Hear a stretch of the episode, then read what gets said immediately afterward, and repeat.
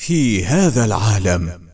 هل مصير البشرية يسيطر عليه كيان أو قانون متعال؟ هل هي مثل يد الإله تحوم الفوق؟ على الأقل صحيح أن الإنسان ليس له السيطرة حتى على إرادته.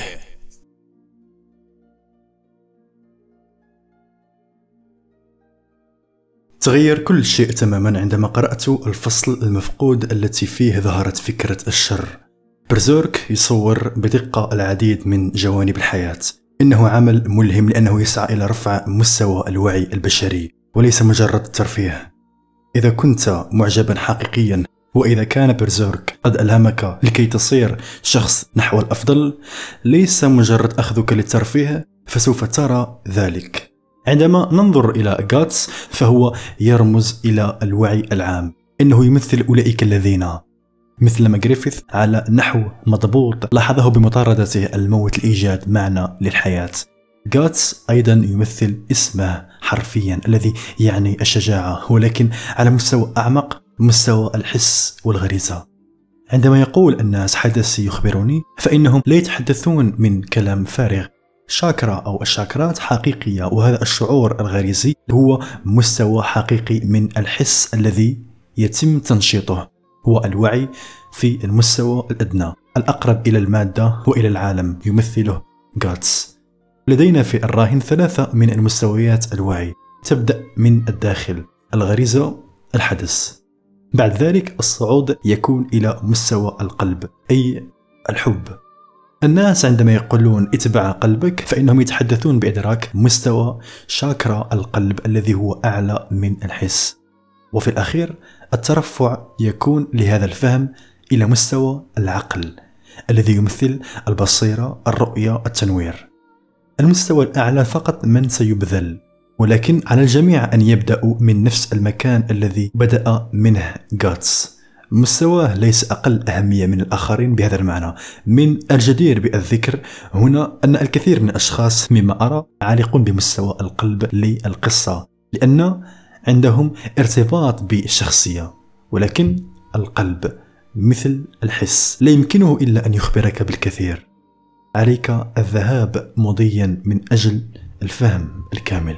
في حين أن غاتس يمثل التائه في الصحراء المناضل والآن وجب الإدراك أن غاتس لا يكافح جسديا. نضاله هو العثور على معنى في حياته وأن الصراع النفسي الباطني يتغلب على الجسدي جريفيث يمثل العكس تماما. الشخص الذي بكل شيء كشف. جريفيث بالدراية يعلم كل شيء. كما ترى غاتس ولد بقرب الموت. يمكنك تطوير نوع من الكراهية للحياة نفسها لمجرد أن الموت الجسدي في الحزمة. حسنا هل تريد أيضا سببا للمصير الذي يستمر في تجاوز معرفتك أم أنك تريد شيئا أعظم من ذلك؟ هل سوف تذهب إلى أحلك الأعماق لكشف الحقيقة أم أنك سوف تذهب لأحلك الأعماق لتبرير حياتك الشاردة بالكفاح؟ هل ترضى بالنعيم الجاهل الدال على الجهل؟ أم سوف تدرك أن هناك نعمة أعظم مما يقدمه الجهل؟ ماذا تريد؟ يناضل غاتس لأن الأرض لم تهيئ معه في الاعتبار. هذا حسب التصميم وليس المصادفة.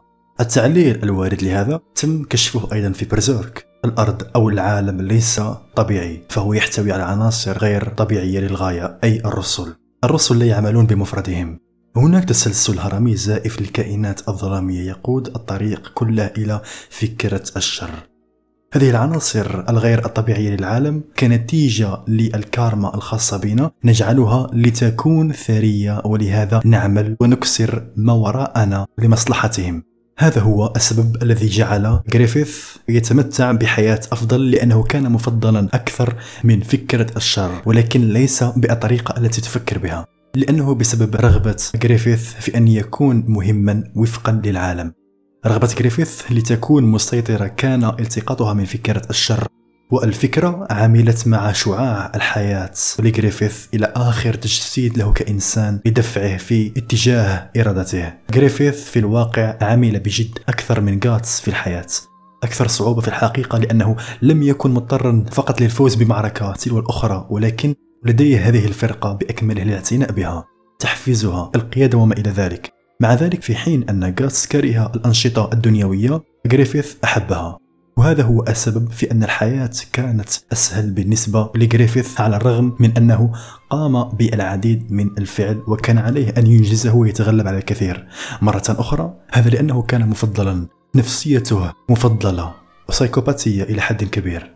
كان غريفيث يعلم بصورة غريزية أن حلمه كان قابلا للتحقيق لأنه يملك الكبرياء والأنا اللذان هما مؤهلان للتمسك بمثل هذا الحلم.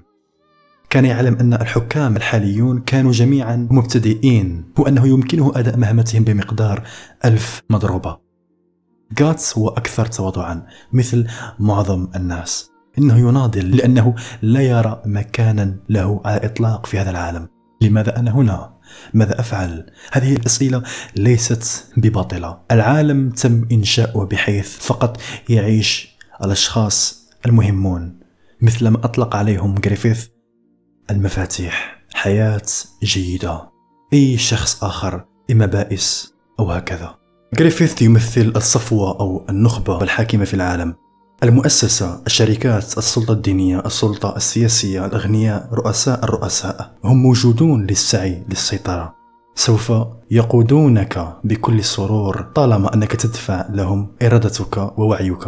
الطريقة الوحيدة التي يمكنك من خلالها الانضمام إلى مرتبة النخبة الحاكمة هي إذا كان لديك كبرياء وأنا إيجو فقط إذا كنت ترى البشر على أنهم لا يستحقون إيقاظ قوتهم.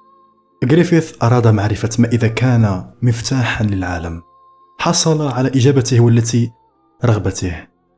ترى عندما قال غريفيث في الحياة لا علاقة لها بمكانة الفرد أو طبقته الاجتماعية على النحو التي تحدد من الإنسان. هناك بعض الأشخاص الذين بطبيعتهم هم مفاتيح التي تحرك العالم. إنهم النخبة الحقيقية مثل ما تمليها القاعدة الذهبية للكون. إنه يتكلم أكاذيب. المفاتيح قد تبدو لتكون هي النخبة. القاعدة قد تبدو لتكون خارجة عن إرادتك ولكن هذا ببساطة ليس صحيحا. في الواقع المفاتيح ليست قليلة. نحن جميعا المفاتيح. كل إنسان في هذا العالم لديه القدرة على تغيير حياته بالكامل الأفضل. كل ما عليهم فعله هو رفع وعيهم. والتعرف على قدرتهم والبدء في العيش بوعي ككائنات روحية وسحرية التي هي بالفعل قائمة. مع ذلك إذا لم نفعل هذا فإننا نترك اتجاه حياتنا للمفاتيح الخاطئة. فالنخبة التي هي بدلا من أن تخبرنا بإمكانياتنا الحقيقية بناء على من نحن حقا ستوفر لنا هوية جديدة ودورا جديدا لنا. ما الذي يقولونه البشر من كينونتهم لا شيء أكثر من قرود حكيمة وحوش مستعقلة. حسنا ما الهوية الأنسب لكي تجعلك تشعر وكأنك لا تستطيع التحكم في مصيرك؟ برمته الوضع أعمى يقود نحو الأعمى. إن فكرة الشر ومنظومة المفاتيح الزائفة هي كارما خاصة بنا. للسماح بهذا لفترة طويلة على هذا العالم. الحقيقة هي أنه في أي وقت يمكننا الاستيقاظ من الحلم والإدراك لما حدث وما سمحنا به. لكن اللي يمكننا فعل ذلك إذا كنا نحارب النخبة أو نحاول معاقبتهم أو قتلهم. في الواقع لا يستحق القول إن أولئك الذين يفعلون هذا هم أفضل من أولئك الذين يتصرفون طواعية كعبيد وماشيه للنخبة، كلاهما يخولان للنخبة بالاستمرار في فعل ما يفعلونه.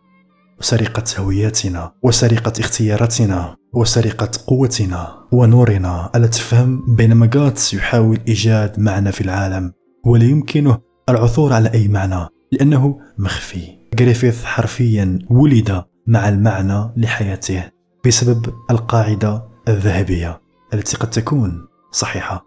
مع ذلك فإن معنى حياة غريفيث وحلمه هو بالضبط ما يجعل غاتس يبتعد في المقام الأول. لهذا السبب انجذب غريفيث وغاتس إلى بعضهما البعض ولا يدركان السبب. بدلا من رؤية غاتس الصورة الأكبر سقط في فخ الانخراط في الظلام. لكن هل المعنى الجديد لغاس لكونه عدو للظلام منح السلام؟ هذا دليل على أنه ليس حقا من يكون. بالنسبة للشخصيات الأخرى تمثل سونيا أولئك الذين يجدون هدفا في رفع مستوى النخبة على حساب نفسها والآخرين. هي أمة منزل لا يجب أن نحكم عليها أو نكرهها هذا بالمناسبة. إذا كنا صديقين فقد لعبنا جميعا ذاك الدور في مرحلة ما من حياتنا. لا بأس. وعن فارس الجمجمة فهو يمثل الانتقام. نحن مهتمون جدا بالنزاعات. نحب أن نسمع عنهم. نحب أن نتحيز جانبا ونود أن نجادل من هو الذي على الصواب أو خطأ. ولكن حتى بالنسبة للبعض تأتي نقطة يصبح فيها الخلاف سخيفا حتى عندما ترتكب جريمة كبرى مثل الاغتصاب أو التعذيب.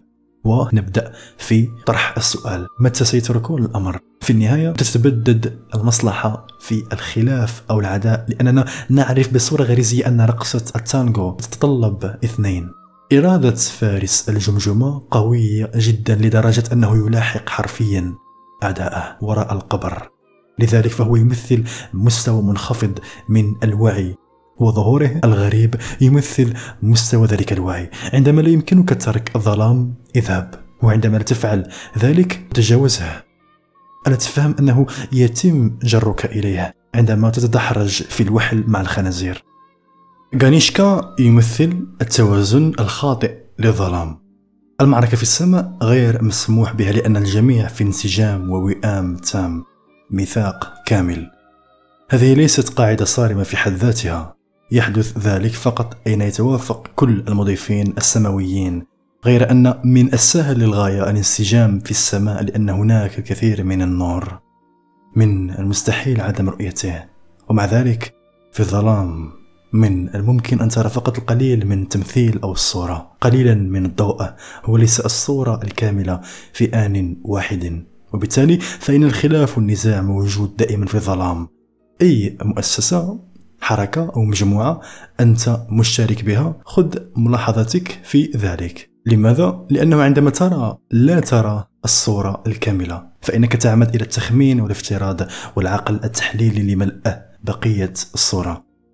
وهذا سيلزم مجموعة من الاختلاف في الرأي. الناس قد يعتقدون أن جريفيث أو يد الإله سيدان على الظلام ولكن في الواقع في الحقيقة لا أحد. النخبة أيضا ابتليت بالشياطين. غانيشكا يمثل جزئيا هذا النزاع والاقتتال الداخلي. هناك صراع داخلي حاد في الظلام لأن هذا الشعور الزائف بالتفوق على أن يكون القمة والأفضل ليكون على صواب أعظم بالمعنى أن كل شخص آخر أقل منك. لذلك غانيشكا كان قادر على تحدي السيد. بسبب هذا المبدأ في الظلام سيستمر الاقتتال الداخلي ولن ينتهي مع غانيشكا. عندما أذهب إلى فلورا فهي تمثل الإنسان المتطور. كائن معتلي قادر أخيرا على الهروب من دورة التقمص. تناسخ الأرواح. إنها تمثل الوعي اللازم لمغادرة العالم في النهاية. المرة الوحيدة التي يمكنك فيها فعل هذا هي عندما تترك وراءك بما في ذلك كل شيء. كانت قادرة على التخلي ليس فقط على حياتها ولكن حبها لشركة. ونتيجة لذلك اكتسبت المزيد من الحياة والمزيد من الحب. عندما تفقد اليرقة جلدها فإنها لا تدب تزحف مرة أخرى إلى البيضاء أو الجلد القديم الذي ألقي بالفعل. كما ترى عليك أن تفقد حياتك لتكسبها. عليك التخلص من بشرتك. أناك لتنمو. لا يمكنك أن تحد ذاتك قيد أنملة. أما بالنسبة للشركة فهي تمثل تلميذا روحيا حقيقيا. لديها وصول واعي إلى سحرها الخاص. وربما الأهم من ذلك الوصول الواعي إلى كائنات أعظم يمكنها طلب المساعدة منهم. نخبة العالم لا تريدك أن تتمكن من الوصول إلى ذلك. لذلك يأتون بلغة عالمية لا تتضمن هذه الأفكار ببساطة. عندما تتحدث عن الاتصال بالأرواح أو العكس ينظر الناس إليك بغرابة. نحن نعلم أنه من خلال التجارب المختلفة لا أحد يكون غريبا. لذا فإن امتلاك اللغة عالمية أمر مدمر هدام للتعاليم الروحية الأصيلة لأن الناس سيعرفون أنها خارج العقيدة المقبولة حتى ولو شعروا بوجود شيء فيها. فلن يجرؤوا على تكرار هذه الأفكار خوفا من الاختلاف. ميورا عن عامد جعل من شركة ومعظم التلاميذ في ألفهم أطفالا لأن الأطفال ومن المفارقات لديهم فهم أكبر للجوانب الروحانية من الكبار. هذا ليس فقط بسبب براءتهم ولكن أيضا بسبب قدرتهم الإبداعية الغير محدودة. يرتبط جزئيا بخيالهم غير أن العالم يتفوق على كل ذلك منك. في سن المراهقة شركة أيضا تمثل التغلب على كراهية البشرية. يمكن للأشخاص مثلها أن يخلقوا كراهية شديدة للآخرين بسبب ارتباطهم بالعالم وبأكاذيبه. ولكن بما أننا رأينا مع الشركة التي أحددها مع معظم الشخصيات قد نمت تقديرا كبيرا للناس العاديين من خلال جاتس. لا يوجد شيء لا يمكن التغلب عليه مع ارتفاع الوعي. هناك شخصيتان أخريتان هما ريكيرت وسيلاتس يمثلان الأشخاص الذين يحبون بإخلاص حقا أو لديهم شعور بالولاء لأحد أعضاء النخبة الحاكمة. ومع ذلك يمكن رؤيتهما يتجاوزان الخداع وظهورهما الخالص على حقيقتهما. إنهما يمثلان الوعي الدقيق اللازم لتجاوز عقلية العبيد. شخصية أخرى أيضا وهو أكيد فويد. فويد يمثل حرفيا اسمه الظلام والفراغ لأنه خال من النور. هناك اعتقاد بأن فكرة الشر من صنع الإنسان. لم تكن كذلك. كانت في الواقع كائنات شيطانية مثل فويد الذين ابتكروا فكرة الشر. البشر ليسوا قادرين على الظلام لهذا الحجم لكن البشر بالفعل يغذون الفكرة بكل نورنا. الفكرة إذن لها علاقة كرمية من الكارما. لفويد وفويد له علاقة كرمية رابطة بالعالم. فويد يظهر بلا عيون لأنه أعمى. الأعمى يقود الأعمى. ولكن لاحظ أن دماغه كبير جدا وواضح للغاية. لأنه ذكي للغاية لكن هذا الذكاء هو فهم علمي للظلام أي فهم العدم أو فهم الوهم. من أجل أن يستمر الظلام عليهم أن يصدقوا أنفسهم على أنهم على حق مما يعني أن الكثيرين ينشئون أنظمة معقدة للغاية لطمس النور.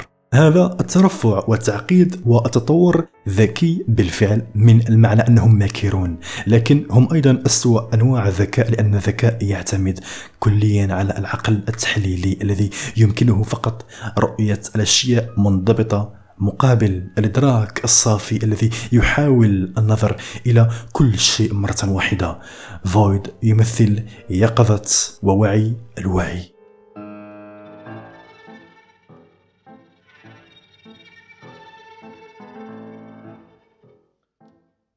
يمثل أيضا طفل ضوء القمر الذات المثالية المرتقبة المسيح نفسه.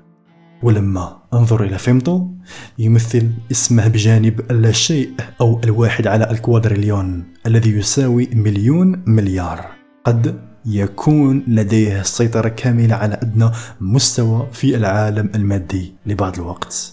لكنه تخلى عن كامل قدراته الطبيعية معتمدا كليا على سرقة قدرات الآخرين. مما سيمنعك من الوصول إلى العوالم العليا بل والحقائق الأسمى فيمتو لا يمكنه أن يمثل الحقيقة أبدا. حتى أنه بحق الجحيم يعتمد على الآخرين ليضاهي نفسه بهذا الشعور بالتفوق. ليس لديه أي فكرة عن مدى بؤسه واستعباده. تحياتي للجميع. لمن أراد أن يدعمني على باتريون سأكون متشكر ويمكنكم متابعة حساباتي على فيسبوك تويتر. هناك أنشر أشياء رائعة. إلى اللقاء.